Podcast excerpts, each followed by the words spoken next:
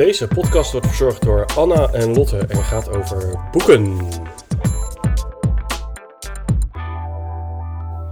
Hallo mensen, ik ben Lotte. Welkom bij onze nieuwe podcast. Start de intro!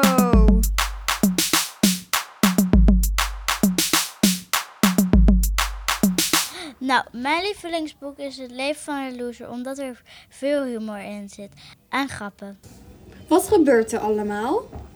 De familie Botermans gaat eindelijk weer op vakantie. Wat is je tweede lievelingsboek? Silas en de Wolf.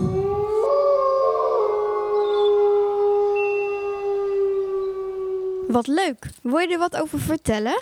Jazeker. Si Silas ging naar het bos. Hij zag opeens tussen de struiken een wolf met een konijn in zijn bek.